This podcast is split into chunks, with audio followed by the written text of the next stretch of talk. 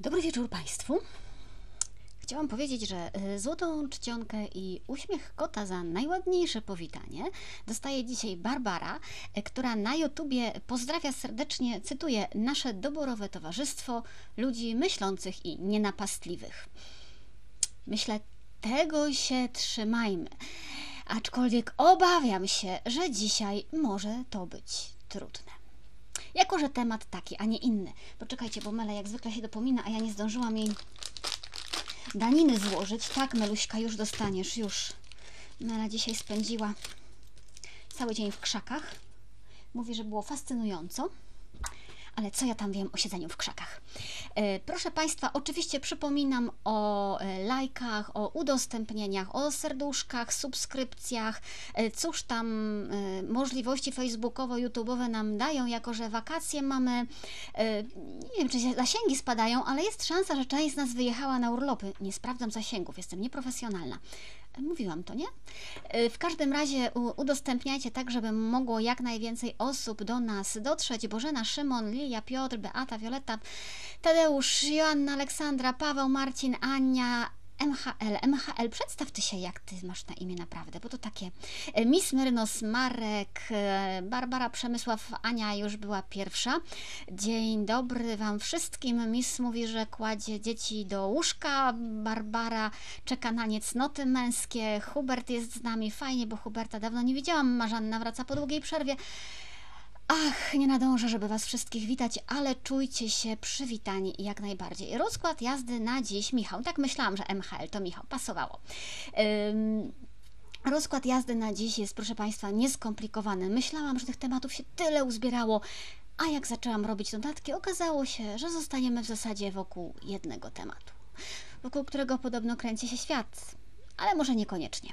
Będzie o cnotach niewieścich, będzie o niecnotach męskich, będzie przy okazji również y, o celibacie. To tak w skrócie nie ma się nad czym rozpływać, monotematycznie w każdym razie. Marcin pozdrawia z ugruntowanymi cnotami niewieścimi. Marcin, pochwalżesz się, pochwalżesz się, jakie to cnoty niewieście masz ugruntowane. A wyraźny leń dzisiaj Facebooka, słuchajcie, 85 osób na żywo czuje się normalnie jak, na, jak początkująca. Nic to nieważne, liczy się e, jakość, nie liczy się ilość, lecimy. To jest program Reportaż z Wycinków Świata. Monika Białkowska, zapraszam. Mm, o cnotach i niecnotach dzisiaj, nie tylko niewieścich. Znamy się trochę, więc dla nikogo nie będzie zaskoczeniem, że muszę, bo inaczej się uduszę. Mm, najpierw uporządkujmy. Mm, o cnotach niewieścich Czekajcie, czy ja włączyłam nagrywanie? Włączyłam. Ostatnio nie włączyłam. Gapa jestem. E, o cnotach niewieścich. Przede wszystkim nie mówił, jak to się przyjęło, e, pan minister Czarnek, ale jego doradca, czyli doktor habilitowany Paweł Skrzydlewski. To jest ten pan, mm, który mówił, że e, protestujący przeciwko orzeczeniu Trybunału Konstytucyjnego e, nie są prawdziwymi Polakami. E, mówił o tym, że młodzież na ulicach jest pod wpływem zwyrodniałych nauczycieli. A po tym, jak Przemysław Czarnek został ministrem edukacji, pan Paweł Skrzydlewski mówił, cytuję, trzeba się cieszyć, pan profesor minister Czarnek jest człowiekiem cywilizacji łacińskiej, to człowiek niezłomny, waleczny, działający w polityce od ładnych lat, wykazujący się sztuką organizacji działań politycznych. Trzeba się cieszyć, że taki człowiek może objąć tak ważną dziedzinę naszego życia swoim władztwem i doprowadzić dwie dziedziny edukacji i nauki do odpowiedniego porządku bo one cały czas nie są w należytym porządku. Trzeba się więc cieszyć i Bogu dziękować. Koniec cytatu. Mm, w rozmowie z Onetem tenże Paweł Skrzydewski tłumaczy, o co mu chodziło z tymi cnotami niewieścimi, mm, o których mówił w wywiadzie dla naszego dziennika. Mówi o cnotach jako o pojęciu w filozofii i w etyce, i o tym, że wychowanie i edukacja prowadzą do kształtowania owych cnót. Taką cnotą będzie, możemy tu wymieniać, e, pracowitość, patriotyzm, męstwo, roztropność, umiarkowanie, można wyliczać i wyliczać. E, pan Skrzydlewski mówił również e, o tym, że brak normalnej rodziny utrudnia wychowanie człowieka w cnotach. I tu muszę zrobić, proszę Państwa, pierwszą dygresję. Nie znoszę naprawdę nie znoszę i dostaję wysypki na karku, kiedy ktoś wmawia, zwłaszcza młodym ludziom, że coś jest z nimi nie tak, bo nie mieli normalnej rodziny. Normalnej, ja mówię w cudzysłowie, oczywiście chodzi o to, że mama, tata, y, trójka dzieci. Mm, to jest y, jakieś dramatyczne uproszczenie, które może momentami prowadzić do tragedii. Po pierwsze, co to znaczy, że rodzina jest normalna? Po drugie, jakie ty, człowiek z zewnątrz, masz prawo wypowiadać się na temat środowiska, w które nie wszedłeś? Czy dziecko, które jest wychowane bez ojca, ale w wielopokoleniowym domu y, z dziadkiem, z dziadkami, y, z bliskimi wujkami, którzy naprawdę je kochają i są w jego życiu na bieżąco, będzie miało trudniej z jakimikolwiek cnotami niż dziecko z samą tylko mamą i tatą, e, jeśli ten tata siedzi wiecznie w pracy i jest emocjonalnie obojętny. E, proszę Państwa, to jest tekst, który ja też słyszałam od przynajmniej kilku księży jako nastolatka. E, to jest tekst, który słyszałam e, zwłaszcza od jednego księdza, któremu stawiałam dosyć zdecydowany opór przed taką manipulacją. E, ja miałam dość siły, żeby nie dać sobie wmówić, że oto ze mną jest coś nie tak, a on, łaskawca, będzie teraz ratował moje deficyty. Ale takie tezy wielu kościelnym wychowawcom, mówię o nich w cudzysłowie, y, służą do tego, żeby manipulować młodymi ludźmi, żeby wymawiać im jakieś braki, deficyty, zranienia. Rozumiecie? Wmówić im zranienia, których być może de facto nie ma w ogóle, żeby przejąć nad nimi władzę, żeby potem psychicznie ich niszczyć, żeby ich manipulować. Nie, jeżeli nie jesteś psychologiem, jeżeli nikt cię nie prosił o diagnozę, to nie doszukuj się u nikogo żadnych deficytów, nie próbuj ich z tego ratować i nie wmawiaj komuś, że skoro nie jest z normalnej rodziny, to na pewno będzie miał problem z jakimikolwiek cnotami. Yy, Rację ma pan Paweł Skrzydlewski, kiedy mówi, że słowo cnota wcale nie należy do żadnego systemu religijnego, ale że należy do systemu filozoficznego, że jest wcześniejsze niż chrześcijaństwo, że o cnoty zabiegali już starożytni Grecy, starożytni Rzymianie. Dalej tłumaczy, że miał na myśli formowanie cnót y, u wszystkich, a nie tylko u kobiet. Ale mówi też i to, Cnoty niewieście szczególnie akcentują godność kobiety, która wynika przede wszystkim z jej człowieczeństwa, ale też z tego, że przez nią przychodzi nowy człowiek na świat i jest przez nią wychowywany i formowany. Ja nie wiem, panowie, czy się nie czujecie urażeni, zwłaszcza ojcowie, że już przez was to nie jest ten nowy człowiek wychowywany i formowany. E, kobieta jest tą, która w rodzinie odgrywa decydującą rolę. Nie wiem, po co w takim razie jest mężczyzna w rodzinie. E, ktoś, e, dziennikarz Onetu pyta, w naszym społeczeństwie są jednak kobiety, które mówią, nie chcę być mamą, macierzyństwo to nie jest moja życiowa droga. No i pan Skrzydlewski odpowiada, oczywiście są takie kobiety, mają prawo do takich decyzji, trzeba jednak wszystkim tłumaczyć, że macierzyństwo jest wielkim skarbem i darem. Prawda jest taka, że nie wszyscy ludzie należycie z tego daru korzystają. W samej rozmowie z naszym dziennikiem padają słowa wprost o, cytuję, właściwym wychowaniu kobiet, a mianowicie ugruntowaniu dziewcząt do cnót niewieścich. E, pierwszy problem, jaki tutaj mamy, ja sobie podzieliłam tych problemów, kilka znalazłam, to już się znamy, nie? E, to jest poziom języka. To znaczy, zgadzam się, że cnota to jest słowo, które nie ma wyłącznego związku z religią ale jednocześnie jest to też słowo, które no, wyszło z codziennego obiegu, którym się nie posługujemy na co dzień na określenie rzeczywistości. To znaczy słowo, które współczesnemu, przeciętnemu Polakowi już rzeczywistości nie wyjaśnia. Można się na to buntować. Można próbować jakoś to słowo z powrotem wprowadzać do dyskusji.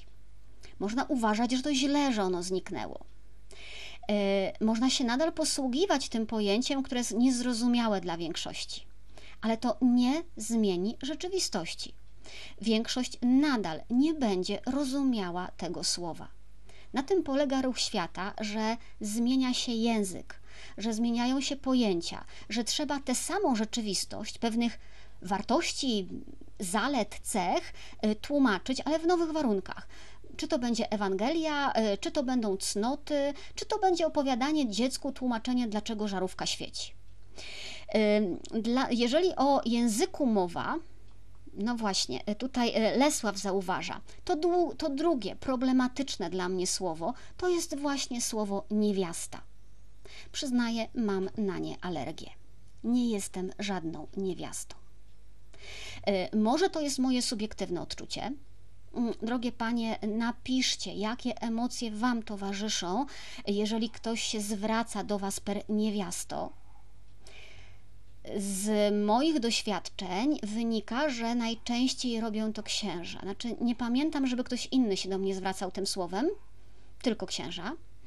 E, często robią to bez złej woli, wierzę w to, ale jako kobieta, pani, dziewczyna, przepraszam, baba nawet, e, ja wiem, że wciąż jestem traktowana na równi.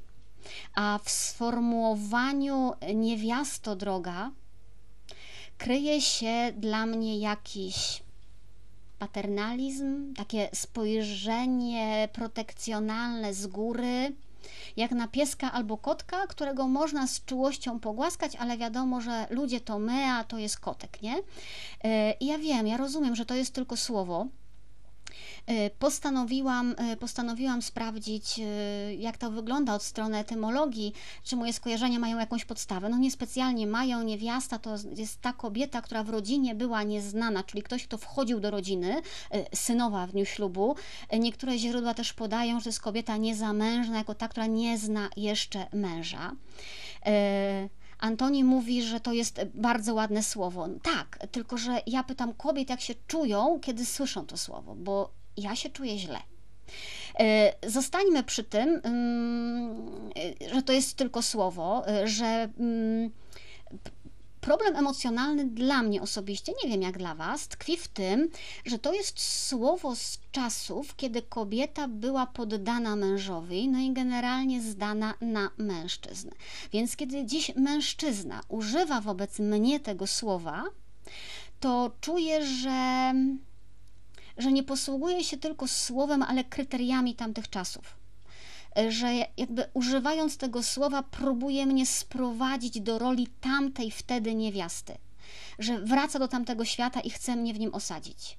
E, dlatego to słowo mnie osobiście tak uderza i dlatego to słowo budzi mój sprzeciw. I dlatego, szanowni Państwo, ja nie jestem żadną niewiastą.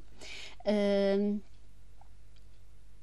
Magdalenie się kojarzy z niewiedzą, głupiutka, zagubiona, yy, Joanna również lubi niewiasty, Marek nie wiem, czy tutaj nie zabłądził. Mm, no poczytajcie komentarze, jakby nie, nie nadążam, yy, nie nadążam ze wszystkim. Aleksandra mówi, zdecydowanie lepsza jest wiedźma, a to, a to owszem. Yy, drugi problem, słuchajcie, który tutaj widzę, to jest kwestia nauczania cnót może się mylę. Znów, jakby wiecie, nie, że to tutaj ja nie głoszę prawd objawionych. Ja mam wrażenie, że cnót można nauczać wtedy, kiedy się samemu najpierw tymi cnotami żyje i jest się najpierw samemu za praktykowanie pewnych cnót szanowanym, i wtedy inni chcą też te cnoty, patrząc na mnie, też zdobywać. To znaczy, cnót można uczyć tylko wówczas, kiedy samemu jest się jakimś mistrzem dla kogoś. Mam wrażenie, że cnót to się jednak uczy y, przykładem. To cnoty to nie jest teoria, którą można wymyślić, y, wpisać w podręczniki i w ten oto sposób zmienić społeczeństwo, tak? To Mam wrażenie, że to tak nie działa, e, a na pewno nie będzie uczył żadnych cnót i nie nauczy skutecznie cnót żaden minister, ani żaden samozwańczy autorytet, e, ani nawet e, każdy nauczyciel w szkole tylko dlatego, że zrobi lekcję o męstwie albo pobożności. No, nie ma na to szans. Sama próba takiego nauczania cnót pokazuje, jak ktoś bardzo nie rozumie, czym tak naprawdę y, cnoty są. Mm, trzeci problem to jest pytanie o to, y, czy są w ogóle cnoty y, kobiece i męskie. Bardzo podobał mi się komentarz zagubionej z Twittera, która napisała: Cnoty niewieście, których nauczyły mnie postaci z polskiej literatury. Możesz ubierać się jak mężczyzna, mieć męskie hobby i pierwsza powiedzieć mężczyźnie, że go kochasz. I nikt nie ma prawa mówić ci, co wypada, a co nie. Baśka Wołodyjowska. E, proszę Państwa, e, klasyka polskiej literatury, jak nie iść za Sienkiewiczem, jak nie iść za ideałami z trylogii. Ja bym tylko zmieniła tutaj detale. Nie możesz ubierać się jak mężczyzna, tylko możesz ubierać się jak chcesz. Możesz mieć hobby, jakie chcesz i pierwsza powiedzieć mężczyźnie, że go kochasz. Lesow, to nie chodzi o to, e, od czego kobieta pochodzi, tak? To chodzi o to, jaki dziś mamy wydźwięk tego słowa, z, z czym nam się kojarzy dzisiaj to słowo, jak odbieramy dzisiaj to słowo emocjonalnie emocjonalnie. Mm.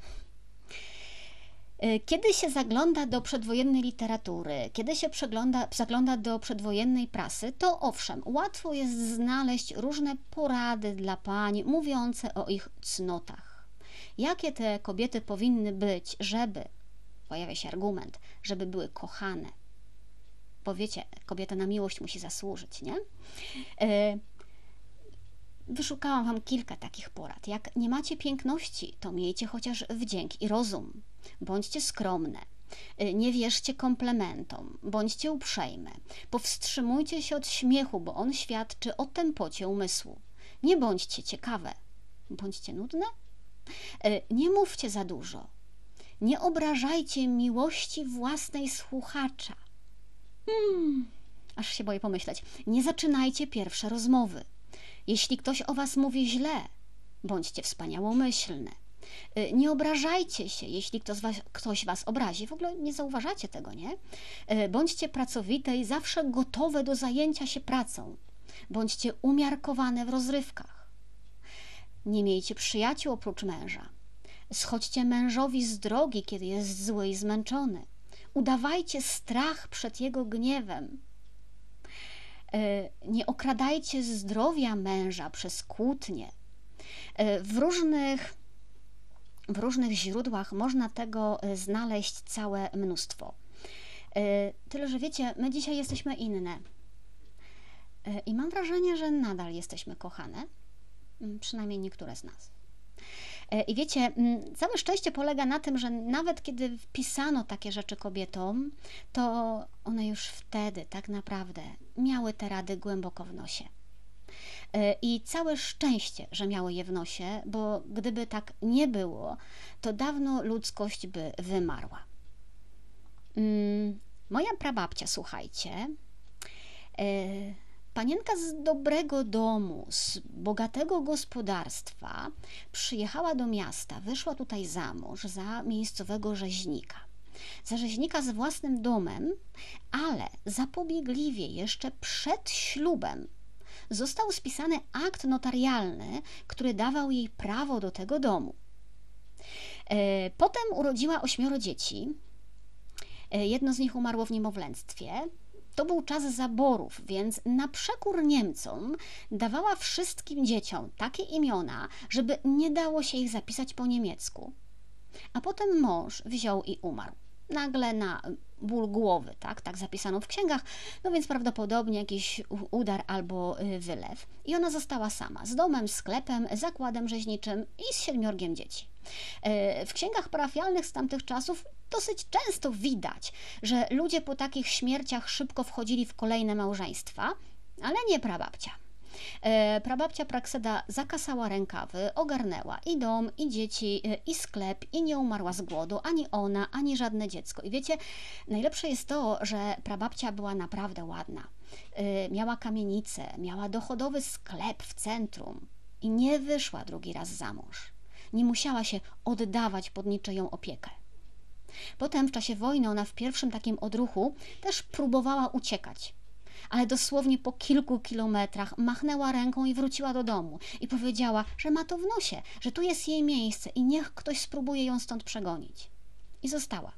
E, dzięki temu do domu nie weszli Niemcy, nigdy nic nie zginęło, przetrwały listy, pamiątki, mm, jakieś zdjęcia. Nie było łatwo. W czasie wojny straciła dwóch synów.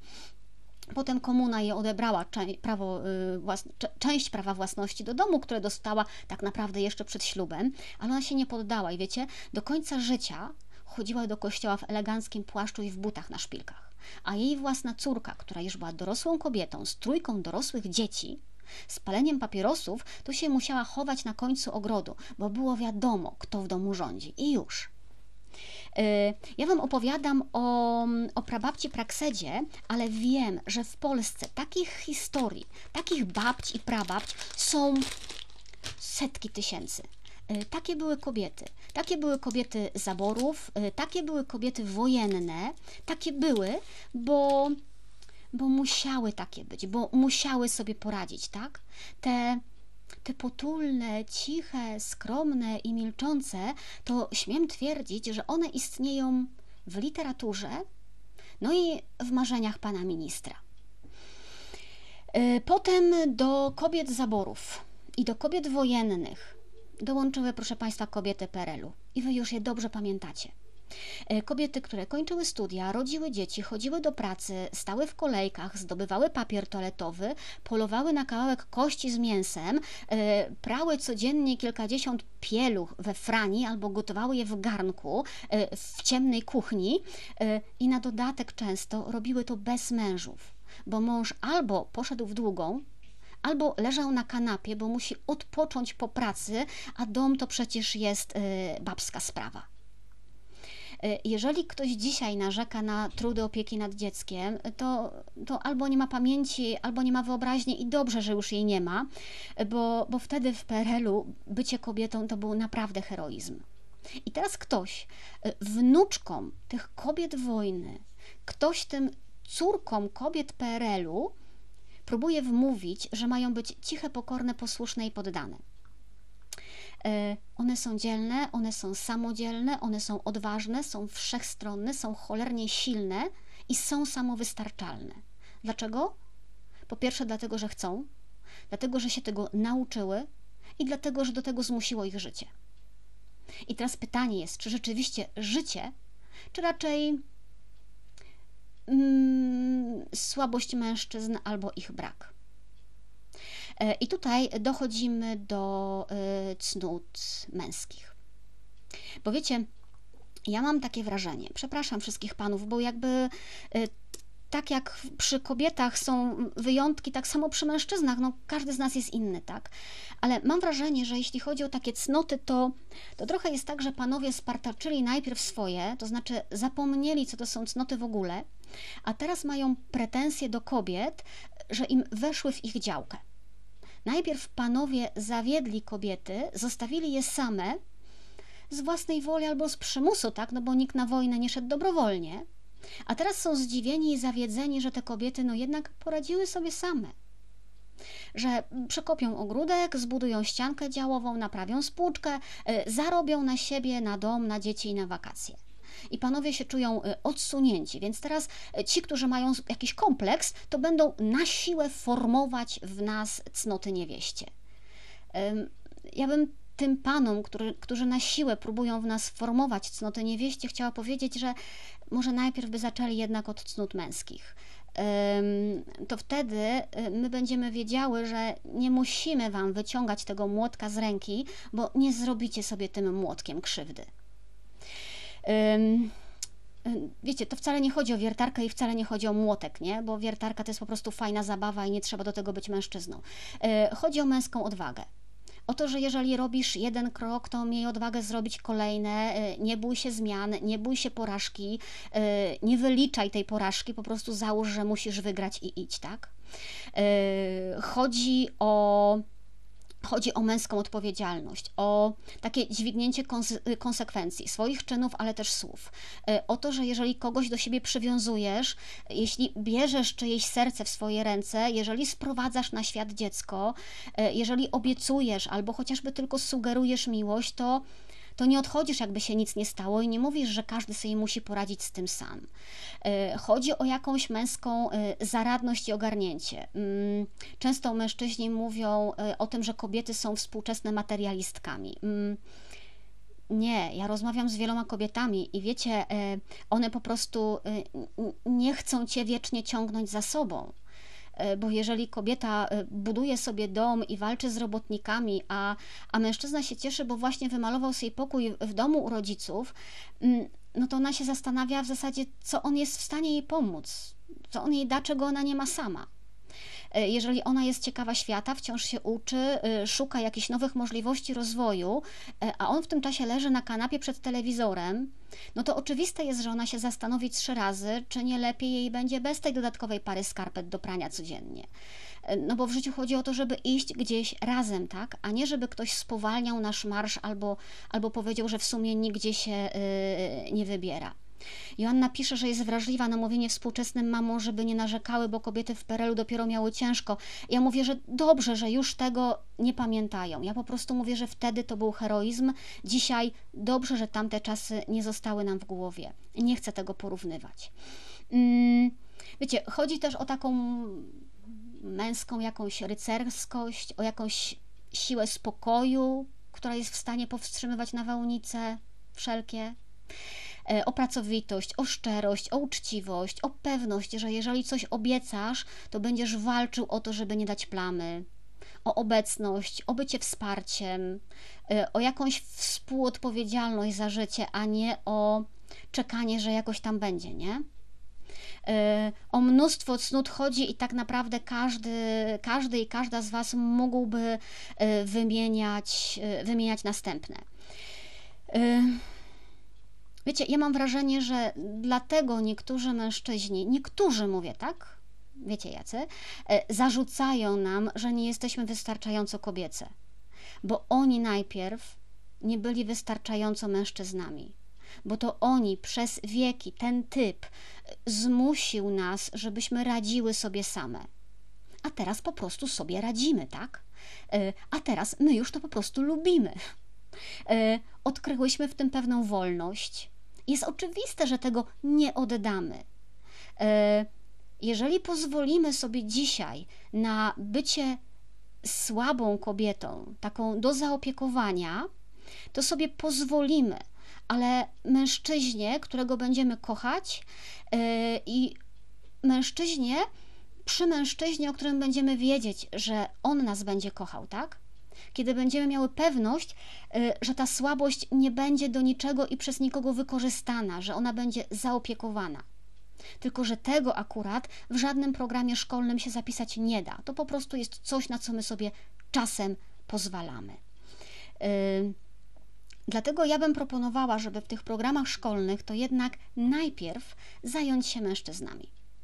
Yy, ostatnio jeden z takich znajomych, znajomych ojców, patrząc na swoich kilkuletnich i marudzących mocno synów e, westchnął, że chyba ich musi wysłać do wojska.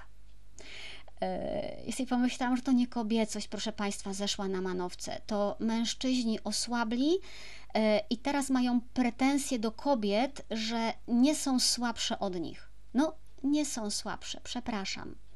Sami się ogarnijcie, i wtedy pogadamy. Chcecie mieć fajne kobiety, to najpierw bądźcie też fajnymi mężczyznami. Mm. Aleksandra pisze, że tego się da nauczyć, nawet w dorosłości. Myślę, że tak, że to zwłaszcza w relacji się ludzie tego uczą. A że żartuję, żałuję, że nie mogę poczytać komentarzy, bo na to bym poświęciła z 15 minut. Dobra. E, w kwestii bycia mężczyzną, słuchajcie, trochę z boku znalazłam jeden taki kwiatek muszę się nim podzielić, bo on się po pierwsze ładnie mieści w kontekście cnót niewieścich, e, a po drugie no, podpierany jest Ewangelią i pobożnością, więc sobie nie mogę darować. E, pan autor tego kwiatka jest pastorem protestanckim, to tak e, dla porządku, żeby zaraz nie było, że ja znowuż na księży jadę. Pan Jakub Kamiński nagrał film nagrał film, bo Duch Święty mu kazał. Duch Święty wprawdzie w Piśmie Świętym, czy przez samego Jezusa mówił, że kto porządliwie patrzy na kobietę, już się w myślach dopuścił z nią cudzołóstwa, no ale zapomniał dodać, no wiadomo, tak, każdy się może rypnąć, zapomniał Duch Święty dodać, że w związku z tym uważaj kobieto, bo a nuż on się dopuści tego cudzołóstwa, jak na ciebie spojrzy, więc ten Duch Święty dodaje to jeszcze raz przez pana Jakuba. Przepraszam za to, że kpię, ale. Ale. Mm, cały film był dość długi. E, ale zasadniczo streścić go można do myśli, że drogie panie, e, jak jest lato i chodzicie nie do końca ubrane, czy w takich sukienkach, gdzie dużo widać, to mężczyźni nie mogą wytrzymać. I wszyscy, których mijacie na ulicy, gwałcą was w myślach, a wy tego nie chcecie. Więc się ubierajcie tak, żeby oni was w tych swoich myślach nie gwałcili, bo oni sobie naprawdę z tym biedactwa nie mogą poradzić. Pierwsze, co tutaj mamy, to taka refleksja, jak zwykle nieco złośliwa. Czy bardziej i pilniej potrzeba tu formowania cnót męskich, czy bardziej terapeuty? E, biorąc pod uwagę, ile w niektórych miejscach jest kobiet, E, I biorąc pod uwagę, jak mamy gorąco, no to jeżeli każdy pan w myślach gwałci każdą panią, e, to ja tym panom serdecznie współczuję. To znaczy, nie wiem, kiedy wy macie czas e, pracować, opiekować się dziećmi, dokonywać odkryć naukowych, pisać artykuły, spowiadać mszę świętą, odprawiać. No, chłopaki, szacun. Nie wiem, jak dajecie radę. Po drugie, mm, Duch Święty mm, ten, co mówił do pana Jakuba, ja nie wiem, kto tam do niego mówił, to mam wrażenie, że jest jakoś, musiałby być jakoś wewnętrznie sprzeczny, bo w innym miejscu też w Piśmie Świętym mówi, że jeżeli oko jest powodem do grzechu, to je wyłup, tak, a nie zwalaj winę na cały świat. Ty masz problem, ty go załatw ze sobą. Po trzecie, y, to, że ktoś coś widzi, to nie znaczy, że musi to mieć. I powiem Wam, że rozbawił mnie komentarz dziewczyny, która na Facebooku e, nazywa się Niewyparzoną Pudernicą. Mm, nie znalazłam tego sama, ktoś mi podesłał. I ona napisała mm, długo, ale tam są zdania w punkt e, na temat tego, że on po prostu musi to mieć. Jak widzę fajny samochód, to myślę sobie, ale bym się przejechała takim, co nie znaczy, że lecę za autem i e, wsiadam na siedzenie pasażera. Tam jest użyte słowo, którego nie, może, nie mogę użyć. Po czwarte, śmiem twierdzić, że to nie kobieta i nie jej ubranie e, są odpowiedzialne za Twoje myśli i za Twoje czyny. To, że mm, za to, że panujesz nad swoimi myślami i nad swoimi zachowaniami, odpowiadasz wyłącznie Ty sam. Pan Jakub tłumaczył potem, że w żaden sposób no, nie chodziło mu o usprawiedliwianie gwałtów yy, i o zrzucanie winy na kobiety. Oczywiście wprost tego rzeczywiście nie powiedział, ale ten właśnie sposób myślenia, e, który on prezentuje, jeżeli pociągniemy go dalej, prowadzi do takich właśnie wniosków. E, ona się tak ubrała, więc ja nie miałem wyjścia, musiałem ją zgwałcić. W myślach albo nie tylko w myślach, no bo pan po prostu musiał. E, więc drogie panie, jeżeli, jeżeli e, chcecie być bezpieczne, no to rzeczywiście ubierajcie się e, w burki, burki, hijaby, chociaż i tak ryzykujecie, szczerze mówiąc, bo jak traficie na jakiegoś fetyszystę stóp, to on może też nie będzie się mógł powstrzymać. Po piąte, w kwestii fetyszystów stóp mm, nie ma, mam wrażenie, nie ma kryteriów ostatecznych przyzwoitego ubrania.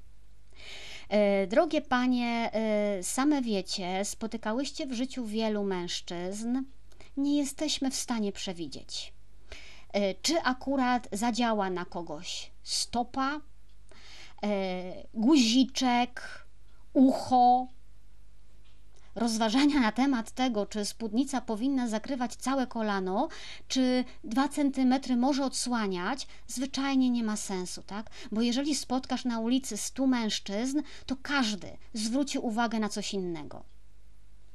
Mm nic, co przychodzi z zewnątrz, nie jest źródłem grzechu. Grzech się rodzi w człowieku, nie rodzi się w sercu. E, Pan Jakub ostrzega z miłością i troską wszystkie panie. Tę troskę rzeczywiście tam widać, że słucha rozmów mężczyzn i że naprawdę, drogie panie, no nie chcecie, żeby ktoś tak o was mówił, żeby ktoś tak na was patrzył, żeby ktoś z wami w myślach to robił. Okej, okay. wiecie, ja też biorę pod uwagę, że może jestem za stara, może mnie to już nie dotyczy, ale prawdę mówiąc, to jest mi dokładnie obojętne, co się komu roi w głowie. E, to nie jest ani komplement, ani upokorzenie. To jest mi dokładnie obojętne. E, ja mam swoje życie, swoje myśli, swój świat, swoje odpowiedzialności i naprawdę Ostatnia rzecz, jaką bym się przejmowała, to jest to, co się urodzi w głowie jakiegoś świra, e, tylko dlatego, że nie wiem, robiłam zakupy w sklepie i wysunęło mi się ramionczko od stanika spod sukienki, tak? Jak się wysunęło, to je poprawiam, bo to niewygodne i idę dalej. I naprawdę nawet tego nie zauważę.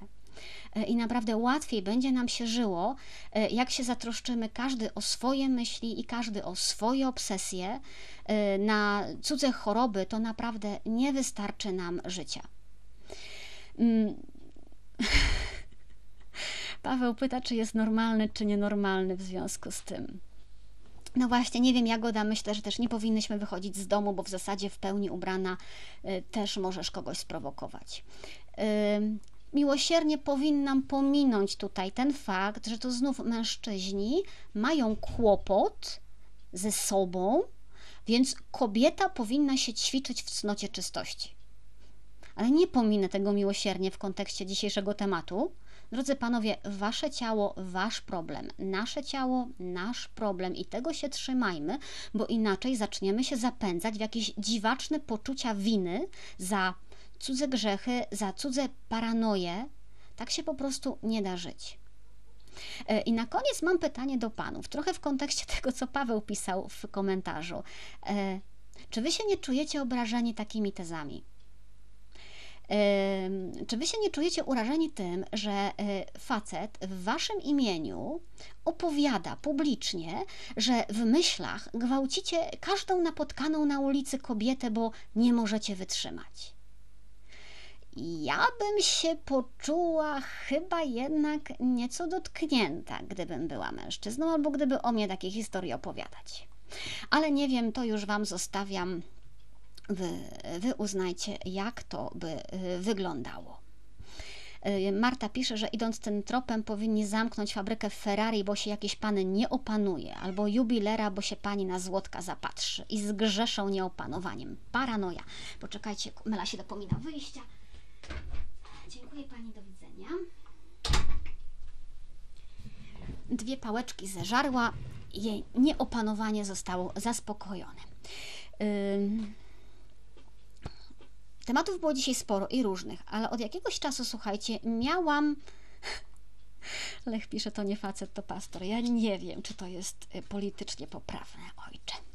Yy, Tematów było sporo, ale miałam zapisaną od jakiegoś czasu taką notatkę, żeby o tym kiedyś Wam opowiedzieć, a ona akurat tutaj nam się złączy mm, ładnie w całość. Więc zostawmy sobie na razie bieżączkę, której było sporo i pozostajmy przy kwestiach cnót i seksu, dobra?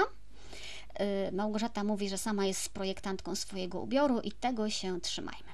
W kwietniu, słuchajcie, pojawiła się informacja, że prokuratura w Zabrzu umorzyła śledztwo w sprawie Marka M., księdza podejrzewanego o uwiedzenie piętnastolatki.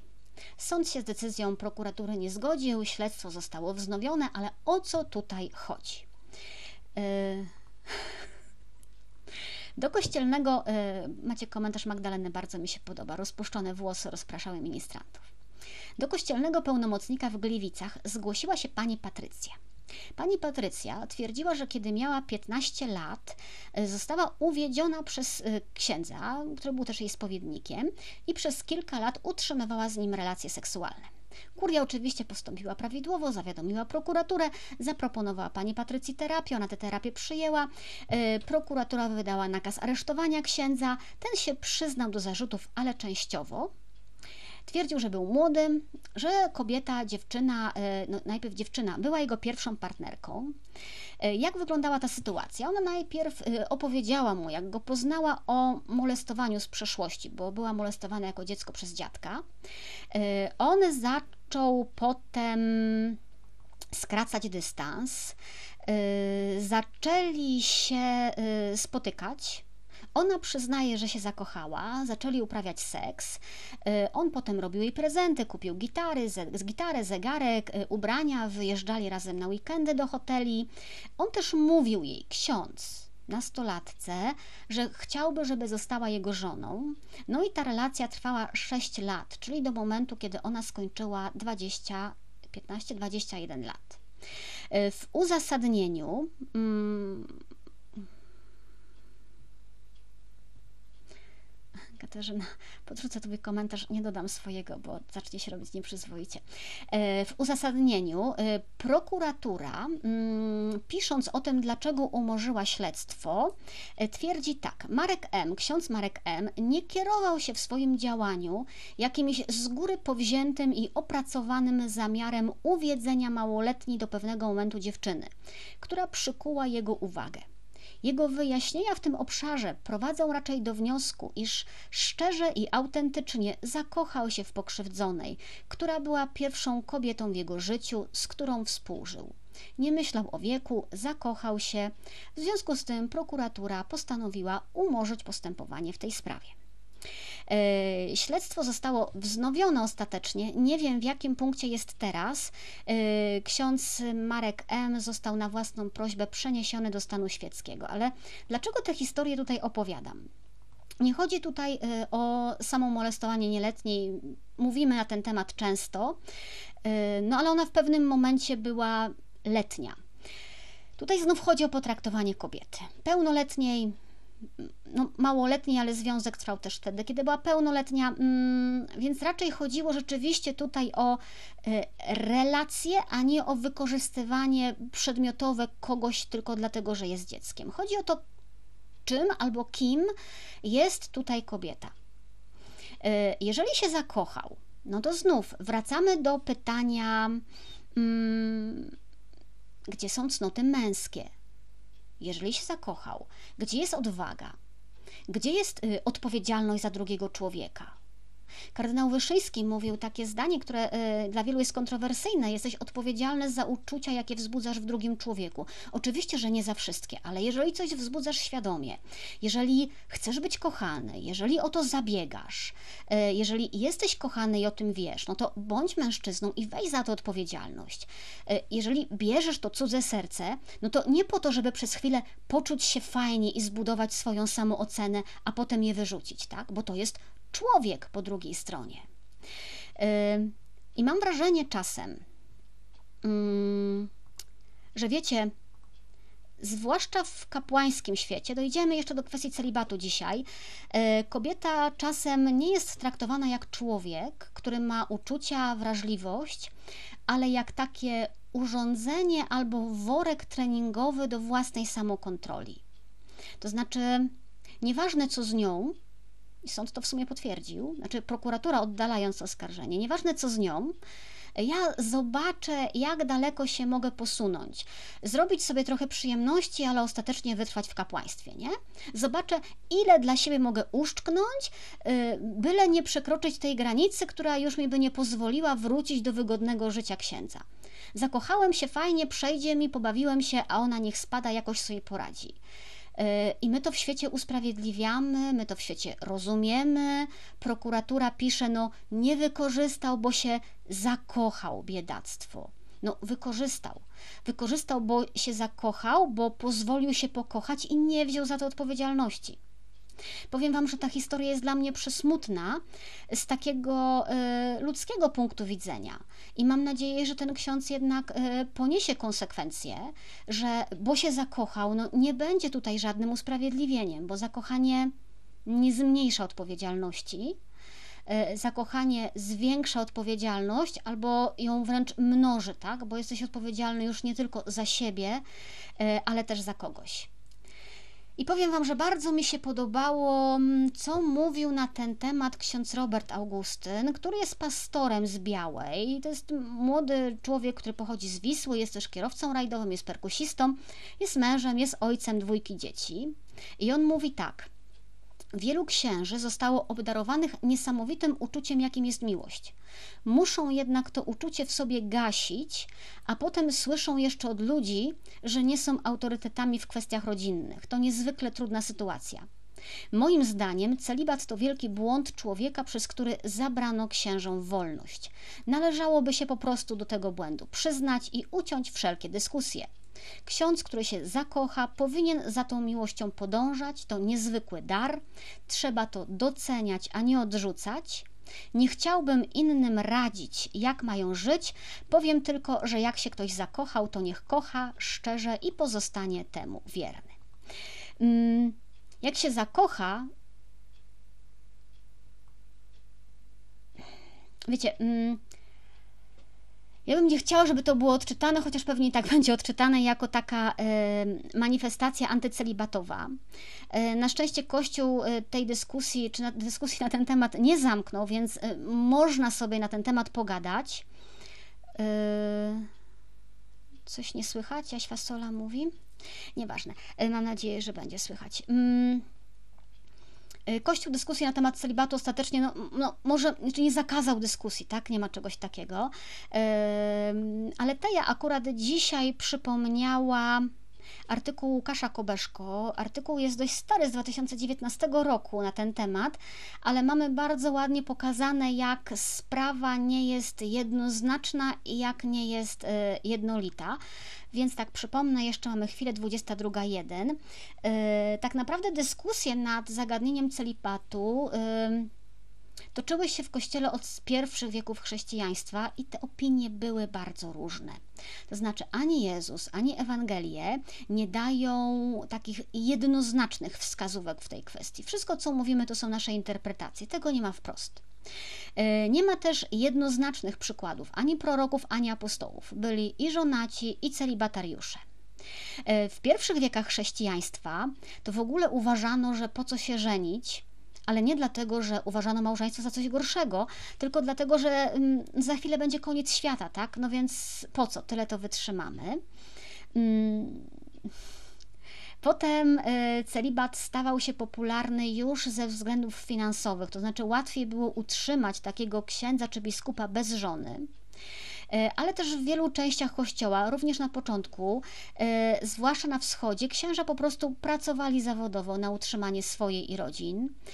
I w zasadzie przez całe tysiąc lat kościoła to to na pewno nie był problem dogmatyczny, tak? Byli żonaci, byli celibatariusze, i było ok.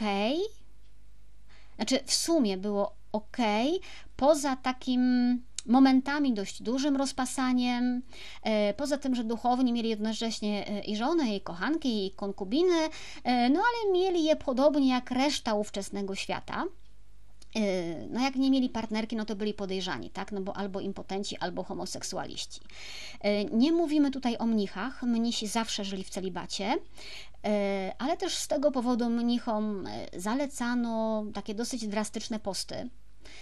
Ponoć takie dramatyczne obcięcie kalorii po pewnym czasie przynosi również obniżenie popędu. Z drugiej strony, no nie bez powodu autor pierwszej reguły zakonnej, mnich Pachomiusz, kazał braciom trzymać się od siebie na dystans wyciągniętego ramienia. W ogóle mówił, że najlepiej na siebie nie patrzeć nawzajem. Święty Benedykt y, kazał spać w ubraniach i przy zapalonych świecach.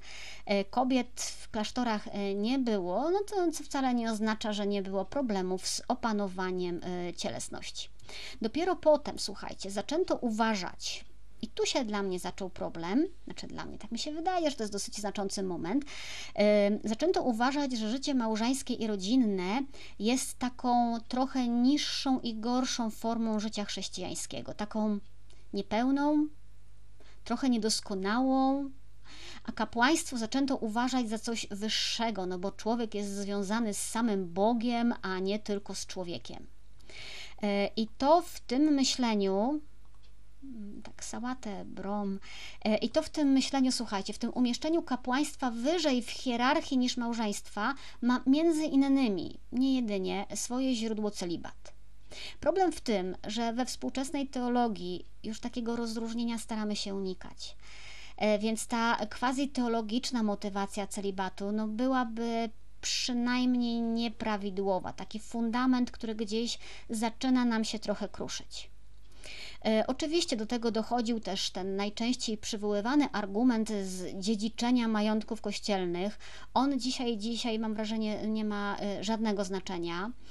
Y, na samym w ogóle tylko tym argumencie, bez tej teologii kapłaństwa, jako tej opcji wyższej, lepszej i doskonalszej niż małżeństwo, nikt by żadnego celibatu chyba nie zdołał wprowadzić, albo, albo wprowadziłby go tylko na krótko.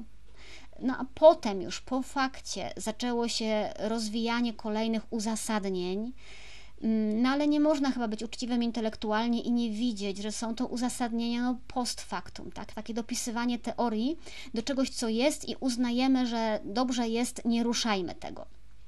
Teoretycznie y, obowiązkowy celibat wprowadził w kościele zachodnim y, Sobór Trydencki, to była połowa XVI wieku, trochę na przekór Lutrowi, no co się będziemy tu oszukiwać. No jak na 2000 lat tradycji to nie jest to dużo. E, na dodatek to wcale nie znaczyło, że się wszyscy tym orzeczeniem soboru natychmiast przejęli. Nie? Im dalej było od Rzymu, tym trudniej było to kontrolować.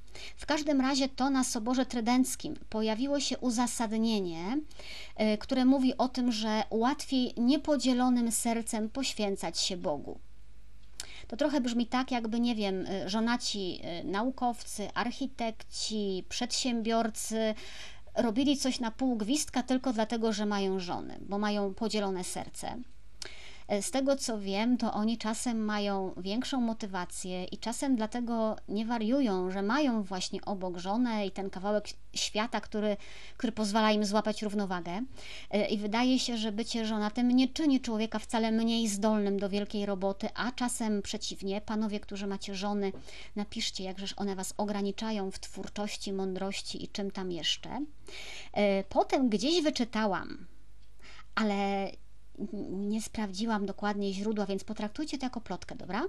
Podobno przed Soborem Watykańskim II pojawiły się pogłoski, że Jan, Paweł, że y, Jan XXIII ma zamiar znieść ten przymusowy celibat i że wtedy podobno Niektórzy księża na zachodzie próbowali ujawniać te swoje kobiety, które gdzieś tam mieli, no bo sądzili, że będzie to wkrótce uznane.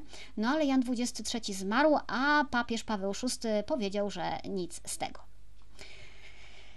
Wiecie, mm, ja myślę, że to się jeszcze okaże, mm, że to jest coś, nad czym dyskusja będzie trwała e, i że tu mamy większą szansę na, na to, że będziemy świadkami jakichś zmian niż przy kapłaństwie kobiet, bo, bo jest to dużo trudniej teologicznie obronić. E, I wiem, że wielu księży będzie tego celibatu bronić. Mm, tylko wiecie, jakoś wszyscy, którzy, których słuchałam, to posługują się takimi wytartymi schematami, które też dobrze znam, e, powtarzają sformułowania, które znamy od lat i jakoś tak yy, brzmią, jakby próbowali uzasadniać teraz swoje bycie, żeby nie wyszło na to, że to jest bez sensu, nie? Że oni bronią tego sensu, co jest słuszne, ja też nie chcę nikomu tego sensu odbierać, ale że w tej całej obronie chodzi o to, żeby nie mieć samemu poczucia swojej porażki czy jakiejś straty, więc znajdziemy sobie uzasadnienia. Marzanna pisze, gdzieś mi tu przeleciał komentarz y, o tym, że będzie miał problem, czy być u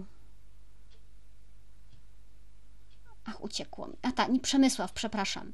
No bo ksiądz miałby dylemat, czy iść z namaszczeniem dokonającego, czy pomóc przy chorym, płaczącym dziecku. Z wykładów stologii na UEM. To jest no właśnie to jest, jeden, to jest jeden z tych argumentów, które, które doskonale znamy i panowie żyjący w świecie wiecie, jak bardzo to jest bez sensu argument. Wiecie, ja tak naprawdę w życiu spotkałam chyba ze dwóch księży, którzy y, z przekonaniem mówili mi, że gdyby zniesiono celibat, to oni na pewno by się nie ożenili. I tylko tych dwóch, znaczy mówiło to więcej, nie? Ale tym dwóm uwierzyłam. Dwóm z nich wszystkich. Mm, I wiecie, ja naprawdę znam i szanuję całą tę narrację o, o całym czasie dla wiernych, o, o energii, która jest skierowana tylko w jednym kierunku, o takich trudnościach praktycznych dzisiaj, no bo dzisiaj znieść celibat to byłaby masakra naprawdę taka organizacyjna. Ale ja się boję, że to nie jest tak, że za celibatem ukrywa, żebyśmy teraz, że ja nie chcę uprościć za mocno, tak? Że za celibatem na pewno ukrywają się niedojrzałe osobowości. Absolutnie nie. Chcę powiedzieć, że e, jeżeli ktoś ma niedojrzałą osobowość, to łatwiej się z tą niedojrzałością ukryje za celibatem niż w relacji z drugim człowiekiem. E, że w relacji, w związku ta niedojrzałość szybciej wyjdzie i szybciej zostanie obnażona bo przed samym sobą, przed wspólnotą parafialną, przed kolegami, przed biskupem wciąż można grać i budować jakiś swój obraz taki na zewnątrz. E, w relacji jeden na jeden tutaj już się chyba nie da tak łatwo oszukać. I to jest ta różnica. To tyle. Nie wiem, jakie z tego wnioski. Wysnujcie je sobie. Ja poczytam chętnie, co tam macie do powiedzenia. E, tak mnie te cnoty niewieście dzisiaj zainspirowały do mówienia i o kobietach, i o mężczyznach, i o celibacie przy okazji, bardzo przy okazji. Zostańcie z tym, e, piszcie, ja poczytam, jak napiszę tekst. E, myślcie. Bardzo, bardzo chciałabym Wam podziękować, zwłaszcza tym, słuchajcie, którzy wspierają program przez Patronite. Ja się pochwalę tym przed całym światem, bo się mogę chwalić swoimi patronami. E, owszem, patroni dzielą się swoimi pieniędzmi, żeby ten program mógł dalej istnieć, ale dla mnie jeszcze ważniejsze jest wiedzieć, że to są ludzie, którzy wspierają tę robotę duchowo i intelektualnie, że mogę ich zapytać o zdanie, że mogę się poradzić, że mogę posłuchać, oni wiedzą, że się odwdzięczam programami specjalnymi, między innymi, następny będzie w środę, e, ale jeżeli ktoś chce do tego grona elitarnego jeszcze dołączyć, to serdecznie zapraszam. Patronite.pl, e, reportaż z wycinków świata, ja Wam link jeszcze, jeszcze wrzucę. Przypominam też tradycyjnie o lajkach, y, łapkach, serduszkach, udostępnieniach, subskrypcjach, co tam Wam możliwości facebookowo-youtube'owe dają. A my, kochani, widzimy się jak zwykle w poniedziałek o godzinie 21.15. Nic się nie zmieniło od półtora roku. To był program Reportaż z Wycinków Świata. Monika Białkowska. Dobrej nocy.